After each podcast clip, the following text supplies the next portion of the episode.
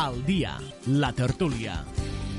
Bueno, seguim aquí a la tertúlia amb Irene Negre, amb Enric Alado, amb també Toni Iniesta, a través de les emissores municipals de Tortosa, Amposta, del Tebre, l'Ametlla de Mar, Santa Bàrbara, Mas d'Enverge i també a través del canal Terres de l'Ebre Televisió. Aquí estem repassant tota l'actualitat del dia d'avui que venia marcada per aquesta exhumació de Franco, però deixàvem el programa en aquesta pausa amb aquesta pregunta. Què us sembla aquesta oferta de diàleg sense condicions prèvies, així ho diu el titular, del vicepresident del govern català al president del govern espanyol? Paraules. Li deixarem a Enrique ara, va. Ah, sí? Altra No, vegada? jo Se- Sempre Sí, comença lo Enrique. menys- Que m'agrada sentir-lo, m'agrada. Bueno, fem, fem una cosa, fem una cosa, Irene. Bueno, Toni, Toni, va, que fa la Toni, primera molt bé. parla, va. Així, Irene m'ajuda a moderar el debat avui. Mira, eh. No, tranquil·la. escolta'm, eh, el meu titular seria una mica tard. Vale? O sigui, això de taula de res. Com lo diàleg... de Franco, també, una mica tard, no? No, és veritat. O sigui, és que això... Jo, jo, jo soc, perdoneu-me, eh, jo no sóc polític, ni sóc econòmic, ni sóc res. Simplement que una persona sentit Bueno, comú. economista, Llavors, eh, has estat molts anys en un banc, per tant, d'algú Bé, sabràs. sí. eh? Vale, però me vinc a referir que tot això és que ja fa temps, ja fa molt de temps que que has començat per aquí, per parlar-ne de les coses. O sigui, hem fet una miqueta la casa per la taulada, hem començat a fer, que està molt bé, eh? ni critico ni no critico, cada un, tal com deia abans Enric, són dos punts de vista molt diferents i molt antagònics, per tant és difícil arribar a un acord. Però bueno, eh, el primer pas per arribar a un acord les persones és parlar-ne, el que no podem fer és començar a fotre-nos hòsties per una banda i per l'altra, eh, llama-le manifestacions, llama-le repressions, llama-le encarcelaments, llama-le judicis eh, farses o no, és igual, no hi entro, vale? no, no, no estem parlant d'això ara. O sigui, eh, perfecte, eh? dialoguem des del principi, senyors, anem a parlar-ne. O sigui, nosaltres som un estat eh, dins de Catalunya, dins de l'estat espanyol, en uns pros i uns contres, en unes aportacions econòmiques molt importants, molt importants, les més importants del país, hòstia, en una idiosincràsia d'un idioma, d'unes costums pròpies, aneu a buscar unes contrapartides, aneu a buscar unes eh, negociacions, uns diàlegs, però això fem-ho abans de tot el més és que ara cada vegada la, la, la ferida és més gran. S'aprofundim més en la ferida.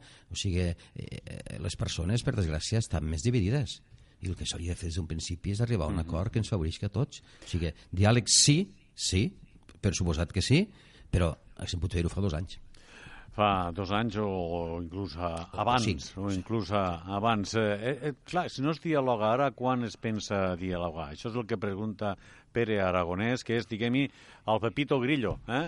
de Quim Torra. Quan vulguéssiu. Bueno, T'has fet gràcia, lo de Perdona, és que m'has Pepito fet- m'has fet Grillo. molta gràcia, sí, la Sí, veritat és que passa sí. que Quim Torra diu unes coses, després surt Aragonès matitzant, eh? i intentant reconduir-ho dins d'aquesta política més pactista o de diàleg. Dis-me, dis-me. Bueno, eh, jo crec que qualsevol oferta de diàleg que es pugui fer, sigui del costat que sigui i vingui d'on vingui, és una oferta bona i, de fet, el que hem d'aconseguir és eh, que l'estat espanyol segui a parlar de tot sense condicions, perquè al final quan tu et negues a, a dialogar de tot, eh, pues, al final la, la solució al problema les hem de posar totes sobre la taula. Encara que no t'agrada la possible solució que et puguen proposar, tu l'has de parlar-la i l'has de negociar-la, perquè un no i tancar la porta com l'han estat tancant eh, consecutivament, perquè de fet eh, el Toni parlava de, de que s'hauria d'haver fet molt abans. Bueno, és que per part de, del govern de Catalunya s'ha intentat moltíssimes vegades parlar amb el govern espanyol i no s'ha aconseguit, sempre s'ha tancat la porta, mm -hmm. perquè mai, mai, mai s'ha donat l'opció a parlar d'una autodeterminació o a parlar inclús de, de, de pues, l'1 d'octubre, no? Al final, d'acabar a votar. S'ha demanat moltes vegades a, a Madrid que se doni la veu al poble i que s'escolti el poble de Catalunya. I no se l'ha escoltat, però que s'escolti a tot el poble de Catalunya, perquè al final les urnes tu les poses per tothom. El dia 1 d'octubre les urnes estaven per tothom. I la democràcia mos ha d'apel·lar-nos a tots, tots mos hem de sentir demòcrates i hem de defensar estos drets que en el seu moment, sortint d'una dictadura franquista, vam aconseguir, que són uns drets que hem de preservar, perquè si anem perdent el poc que vam guanyar llavors, on arribarem? Al final la repressió ens està passant per sobre a tots. Clar, però qualsevol que t'escolta, Irene, i t'ho dic allò per crear una mica uh -huh. de polèmica, dirà sí, evidentment, uh -huh. vam sortir d'una dictadura, d'una repressió franquista, uh -huh. a través d'unes eleccions democràtiques i d'una Constitució que van votar tots els espanyols i que el govern català ha volgut saltar-se. Bueno, és que al govern català no se li ha donat opció de poder consultar el seu poble. I quan va eh, decidir eh, que volia consultar el poble el dia 1 d'octubre, el que es va fer va ser prendre repressions contra el poble clares estaven les imatges de la Policia Nacional i la Guàrdia Civil eh, pegant a les portes dels col·legis i tota aquella mena Mm-hmm. de- de- Tots d'agressions que van coneguda haver. i eh, ja més que criticada, evidentment. Exacte, no, no, no podem dir que no, que no hem intentat donar veu al poble, se li ha intentat donar, el que passa que no se li ha volgut donar. Per por del resultat? Pues, possiblement, però tu has d'escoltar el teu poble. Després d'aquí prendre les determinacions i el que no pot fer Pedro Sánchez com a president del govern espanyol és tancar-se les orelles i no escoltar el poble català i molt menys no rebre al president de Catalunya.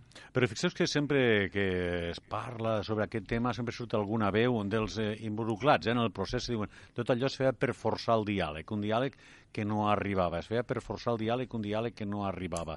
Que Quim Torra digui durant la crisi d'aquest cap de setmana passat que tornaria a posar les urnes, és posar llenya al foc, es vulgui obrir la porta del diàleg, ha de sortir el vicepresident dient sense condicions prèvies, Enric?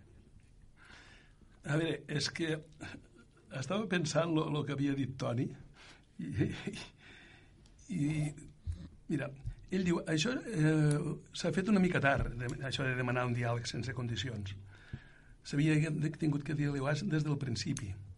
I ara m'ha aprofundit molt la ferida i estem més dividits que mai. Això més o menys ha dit, ha dit Toni. No? Jo estic absolutament d'acord en aquest plantejament que ell ha fet.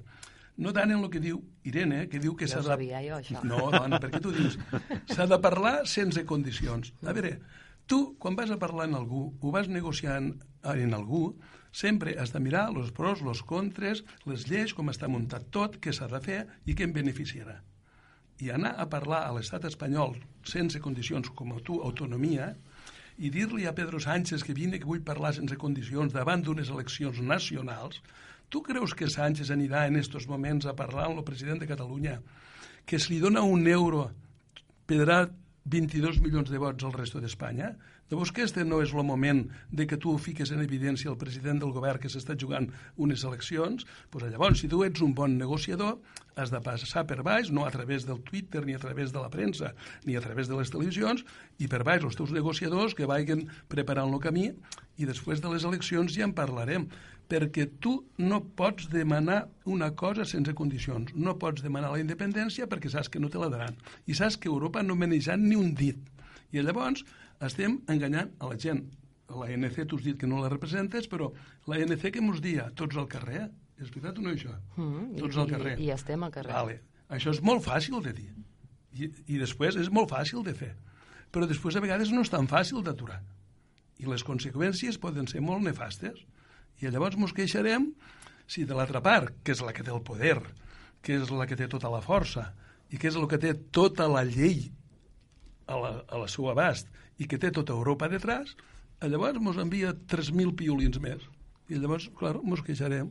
Pues bueno, aquí hem tingut una experiència. Tu creus que des del principi que va començar tot això fa dos anys, ara hem sortit beneficiats a Catalunya, el conjunt del país, ha sortit beneficiat o ha sortit perjudicat?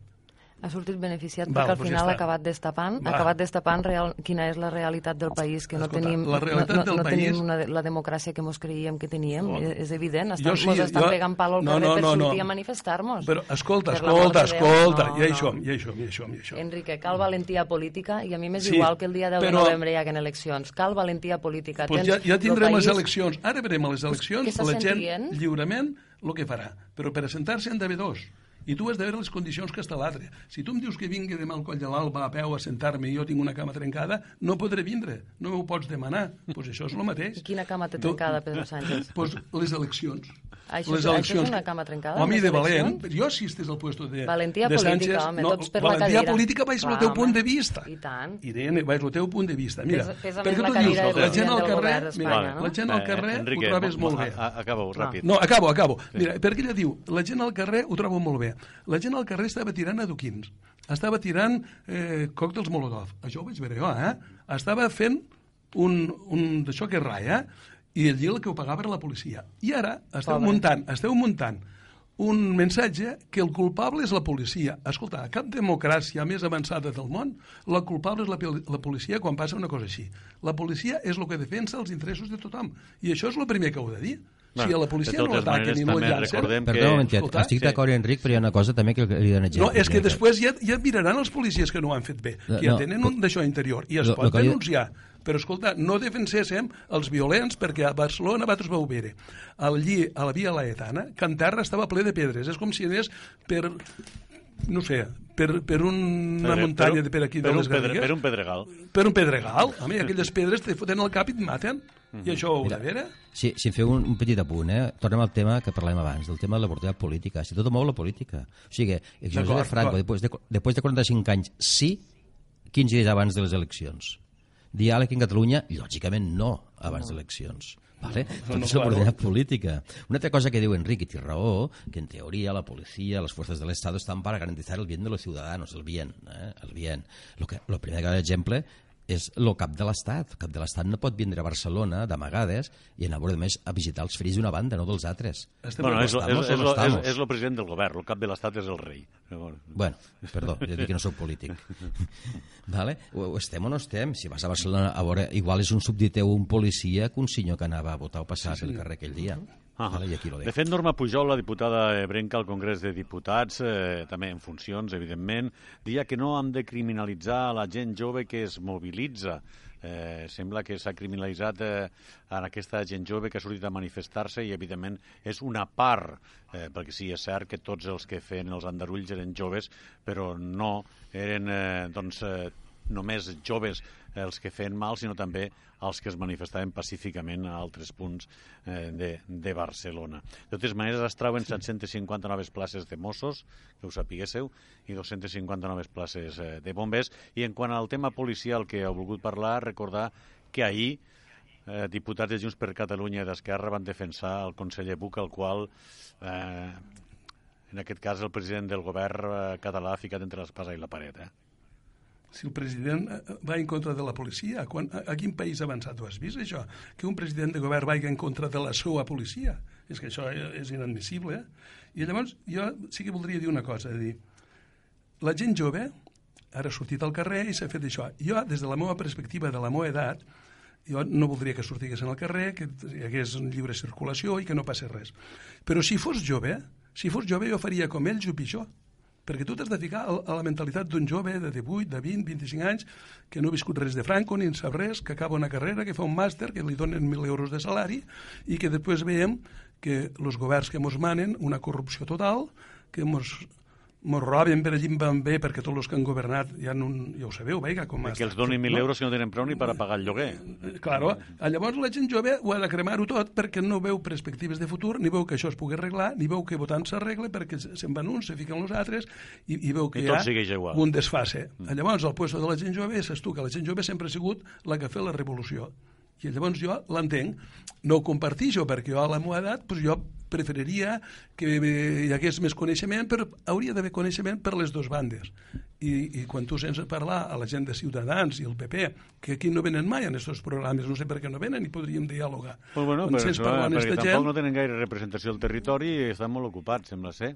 Bueno, vale, pues que estiguen ocupats, però escolta, tu sents parlar als senyors de Ciutadans i als senyors de PP, és que volen incendiar Catalunya o és que no saben el que és Catalunya? Però vols parlar amb ells sense condicions o en condicions? Ell, les condicions les ficaran ells perquè ells tenen la força, és que no has entès tu això. Sí, jo, ho he a la meva sí, empresa, tant, tota ho la vida, quan he negociat algo, he mirat l'enemic que tenia enfrente.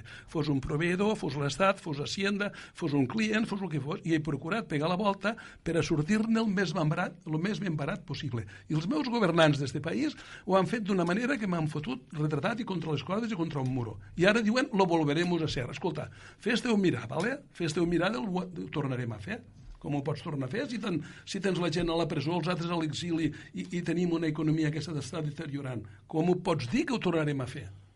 Home, per favor, jo crec que el futur de, de Catalunya, la nostra estimada Catalunya, passa per uns altres governants i per unes altres, unes altres decisions. Mm -hmm. Toni, Irene. Sense cap Eh, perdona, és que no sé de què estem parlant en punt. M'he perdut.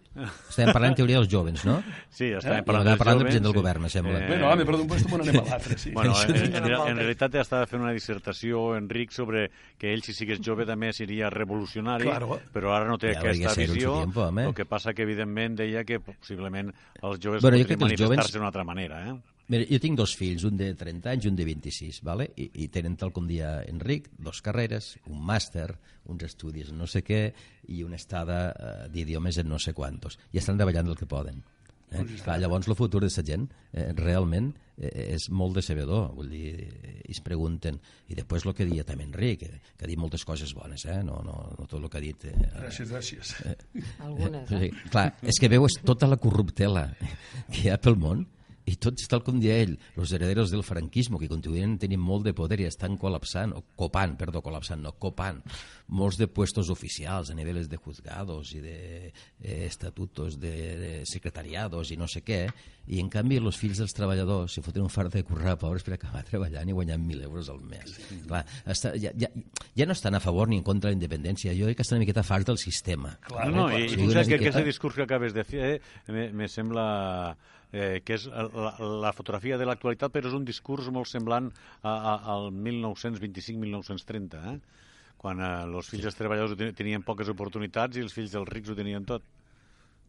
Mm, per desgràcia sempre ha sigut així, eh, em sembla. Més o no, menys. no, no. Bueno, una època que no tant, eh? Uh, ja saps no, tu, per, que no tant. ja saps tu perfectament que has estat vi vivint no. al voltant de l'economia, sí, sí, sí, sí. que n'hi ha hagut èpoques en què la classe mitjana ho ha que passat no tant, molt millor. Que no, eh? que Exactament, sí, sí, perdó. Sempre ha sigut així, però hi ha hagut èpoques que no tant, que la classe, traba, la classe treballadora mitjana vivia més o menys dignament, ¿vale? Mm. però, però teníem una estabilitat i teníem uns sous acords, eh, més o menys, la, la inflació, el nivell de vida, i podies viure pues, més o menys decentment.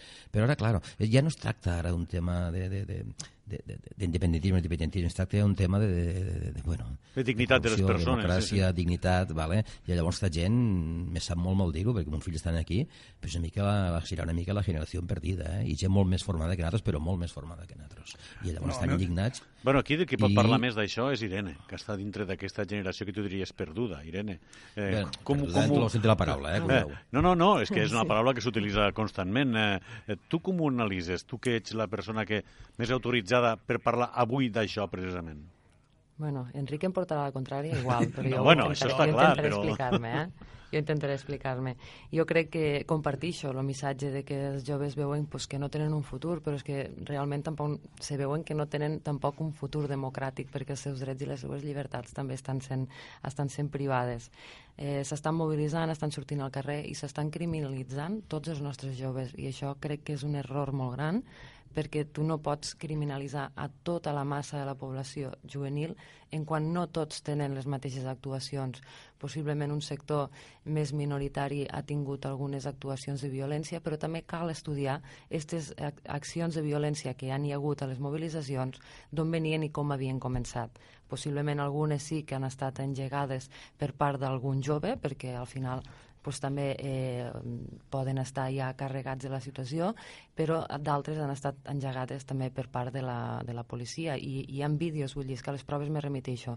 Jo no ho estic afirmant perquè ho he vist, sinó hi ha vídeos que corren per les xarxes que ben bé se, se, te, te dona la mostra del, del que jo estic explicant el jove que, que està cremat i fart, hem de tenir clar que aquest jove el dia 1 d'octubre tenia dos anys menys i va veure com pegaven els seus pares, com pegaven els seus iaios, com pegaven els seus germans, els seus tiets, i al final la ràbia s'apodera a tu, i quan ets jove pues, la ràbia és una mica més difícil de, de controlar-te-la i, i quan la cosa bull, pues, bull i ja està, no? I, i no per això els hem de criminalitzar, estan lluitant pel seu futur, estan lluitant per, per una democràcia, mm -hmm. estan lluitant per una... Per, I al, al final les, les sentències ha apel·lat a tots aquests joves a defensar els seus drets i les seues llibertats perquè és el seu futur, no, no és el futur de, de la gent més gran ja que, que com diu Enrique, jo ja ho tinc tot fet, que la meva ah, pensió no em caurà, la meva pensió em caurà a final de mes, com parlàvem a fora micro, clar. I, i, el, jove el no li caurà... Doble, el mes que ve doble. Veus? Al jove no li caurà això, el jove ha de lluitar pel seu futur, i lluitar pel seu futur significa que si s'ha de mobilitzar i ha de sortir al carrer, i ha de sortir, si ha de sortir a defensar la democràcia, els drets i les llibertats, i sortirà. I jo m'enorgulleixo que realment tinguéssim un jovent tan mobilitzat que surti a defensar aquests drets i aquestes llibertats. Ai, no, sí, eh, eh, de totes maneres, ara dono la paraula a Enrique, però volia ficar una miqueta més de llenya al foc, perquè ja que, ja que parlava de l'actuació policial, eh, és cert, hi ha uh, algunes actuacions reprovables, i d'això se'n farà, suposo, la investigació no. corresponent, però fixeu que en alguns programes, a TV3 concretament, un programa que dirigeix el Toni Soler, es va dir de manera metafòrica que els gossos eren, eh, doncs, que els Mossos eren gossos de merda rabiosos, agressius i molt perillosos. És a dir, clar, quan potser s'arriben a aquests extrems, algun mosso es pot sentir Claro. fins i tot ofès. Això- Dic jo, eh? Dic jo, no Això sé. em sembla molt malament, A millor és metafòric, és sa- satíric, és sarcàstic, però en els moments que s'estan vivint a vegades hi ha sàtires i sarcasmes que poden fer mal. Al igual que he llançat una llança a favor dels joves, també el llanço a, de cara al cos de Mossos d'Esquadra. És evident que algun comportament policial no ha sigut l'adequat i espero i desitjo que des del Departament d'Interior es prenguen les mesures oportunes i sancione les persones que no hagin actuat correctament, però és el mateix, no podem eh, criminalitzar a tot el cos de Mossos d'Esquadra de que, són, que, de que actuen malament. Són uns quants, doncs, bueno, que es detecta el cas. Al final també quan demanaven la dimissió... Claro, perquè és la mateixa policia la que els donaven clavells el dia 2 d'octubre. Sí, sí, sí, està clar, però És la això no, mateixa no podem policia. criminalitzar, exacte, no podem criminalitzar a tothom i la policia eh, té uns, uns drets i uns deures, no?, i, i els ha de complir. Escrupolosament, I si no a actuen més, eh? exacte, i si no actuen correctament, des del departament ja es farà el que s'hagi de fer. Però això són uns tràmits administratius i interns que s'han de respectar-se i que s'han de dur una, a terme. una cosa. Ara toca a Si tu. tu mires tot... digues, digues, A mi me toca... Sí, sí, No, claro, claro. Sí. Si, si tu mires, de tots els policies que hi havia allí, fica't que n'hi haguessin 100. Al millor van haver dos o tres que no van fer la feina ben feta. I enfrente... O deu, o deu, tenien... no. No, no, bueno, és un... O 12, és igual, no fiquéssim un número. Hi havia que no van fer la feina ben No, feta. però, no, a més, no, no, és que fico un número, n'hi havia 10, vale. Mm. però enfrente ne tenien 200 o 300 o 400 que ningú feia la feina ben feta, perquè els tiraven pedres, els tiraven còctels molotov, els tiraven gasolina, els tiraven àcid, els tiraven pintura. Escolta, jo crec que la policia el primer que té és dret a defensar-se, aquesta és la primera. I el segon és que té dret a, a lluitar per la llibertat dels demés. Perquè si jo vaig per la carretera o jo estic a Barcelona, jo puc poder circular, perquè potser tinc una necessitat. Jo vull circular i vull que la meva policia me deixi circular i em deixi anar. Perquè tu dius, han de lluitar per la democràcia, per no sé què, i els han tret al carrer. La ANC va ser una que cridava la gent al carrer, i ho van dir 3.000 vegades la presidenta. I nosaltres, des de diferents mitjans, vam dir que la gent al carrer estirava molt pronta, però que treure del carrer costava més. I ara ens trobem així. I a la gent jove també el que se li ha de dir és un missatge que de vosaltres de dir tenen molts de drets la gent jove, d'acord, tots els drets del món en democràcia. I estem en un país dels més avançats del món en els drets que tenen, diguéssiu el que diguéssiu és, és així. Però després també els hem de dir als jovens que a part dels drets que tenen, tenen unes obligacions, que s'ha de treballar, que s'ha de luchar, que s'ha d'estudiar, que s'ha de picar molta pedra per situar-se, que no es pensen que la gent gran, que hem luchat tota la vida, ens ha vingut regalat, eh? Perquè Eh. nosaltres vam trobar una Espanya de l'edat mitja. Toni, Ja tornem a generalitzar. No, Toni, és la Toni, veritat. quan vulguis. És la veritat. deixeu parlar, Toni, un momentet. I, sí, però si ja no Estem de parlant del que es va Ja- dir al ja programa de m'escolto perdre. TV3. Eh? Sí, no, has, eh, d'anar eh, agafant, a ho una tertúlia hem d'anar agafant ho- conceptes, perquè si no... Ho trobo fora de lloc. Si, si realment, no ho vaig veure, eh? si realment és les paraules veus del senyor Toni Soler, que a més a més em sembla que té arrels polítiques tortosines, per a més INRI, Sí. eh, eh, trobo unes paraules, eh, potser en toni irònic, no ho sé, però de totes maneres eh, paraules que podien ofendre. Vale? Vull dir, hi ha una cosa per damunt de tot, hi ha una cosa per damunt de tot, que avui no hem nombrat la paraula, que es diu respecte. Respecte cap a dalt, cap a baix, cap a l'esquerra, cap a la dreta i per al centre. Vale? Mm. El moment que es perd el respecte, se perd eh, tota la credibilitat. Molt bé, escolteu, estem acabant el programa i eh, de tot el que va passar aquests dies d'aquestes pluges intenses, especialment aquest eh, passat eh, dimarts amb les pluges intenses al nostre territori, en podem eh, traure una notícia positiva i és que al final les oliveres tindran saó. Sembla que aquesta pluja anirà molt bé per la collita d'olives. Eh? No sé si algú de vosaltres té a olivera, però els olivers estan contents. Diu que la pluja registrada a les Terres de l'Ebre beneficiarà el conreu de les oliveres. I aquesta és una notícia dins d'aquesta pluja que va caure, que va fer els tralls i tot morts i desapareguts a altres comarques catalanes com la Conca de Barberà. Jo, quan, quan jo era menut, que això ja fa molts anys, quan plovia i hi, hi, hi havia collita d'olives, eh, la gent estava molt contenta perquè allò repercutia en tothom. Ara, les olives s'anaven a plegar totes, eh? I moltes en dissabtes i diumenges. Sí, i tant, jo també he anat en dissabte i diumenge, me mira a mi, ho diu i me mira a mi. Jo No. també he anat a collir olives en dissabte i diumenge, i garrofes, i la tomata, i el que ha fet falta, eh? Això ens passava a tots els que érem, els que érem urbanites, no? que els pares tenien un trosset i ens tocaven els caps de setmana ajudar els pares Exacte, a, exacte. a fer oliva i les garrofes. No? Bueno, perquè Fotíem que, una que sembla paella, que eh? hi haurà molta mostra i molta oliva degut a aquesta pluja que farà saó a les oliveres i vos tocarà anar... acollir-ne. No. Perquè fa dos mesos, més o menys, més o menys que en parlàvem d'aquest any per dir la collita, que pràcticament estava quasi a punt de caure, mort les, que, el poc que havia dalt l'arbre, si vos recordeu. Sempre s'ha dit Una que bona el, el pagès té el negoci a l'aire lliure, eh? I llavors, Sí, sí, sí. Depèn de com va la climatologia, li va al negoci. Acabem ja. Aquest cap de setmana hi haurà mobilitzacions a Barcelona, mobilitzacions convocades per les eh, entitats independentistes, altres per les eh, entitats eh, doncs, unionistes. Què n'espereu d'aquestes mobilitzacions? Què creieu que pot passar? Bé, jo primer que res faria una crida a la mobilització, evidentment que la gent vagi a, a la mobilització de l'Assemblea i Òmnium i una crida a la pau, tranquil·litat, sortim al carrer en seny eh, i aguantem, aguantem qualsevol situació de violència, aïllem els, els violents i bé, l'altra mobilització uni- unionista pues, també tenen tot el dret a sortir al carrer i dir la seva, però sempre sense violència, perquè són les que acostumen a tenir més violència, tot i que ara, estos últims dies, ja Molt bé. no ve tanta gent, no sé. Mhm. 30 segonets per a cadascú per acabar. Ràpid. Bueno, la, la meva pregunta molt ràpida seria, eh, aportarà alguna més?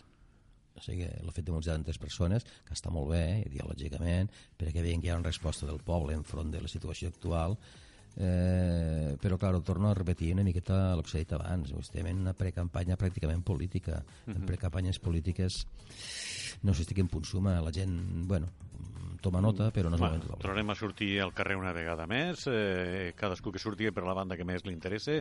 Eh, Enric, per acabar. No, a- això què mos aportarà? Mos aportarà alguna Mos beneficiarà en el futur? Doncs pues no. El que passa que estem manats per uns polítics nefastos. Nefastos totalment de les dues bandes. I el que han de fer és mirar el bé del poble i no el bé d'ells. El que han de fer és ficar-se a treballar per a veure com beneficien i treuen este país d'aquest enfrontament que estem ara, que és més perillós del que ells hi pensen. Gràcies, Enrique. carrer, Gràcies, Enrique, en aquesta, en aquesta consideració teua de que han de treballar pel bé de tots. Posem el punt i final.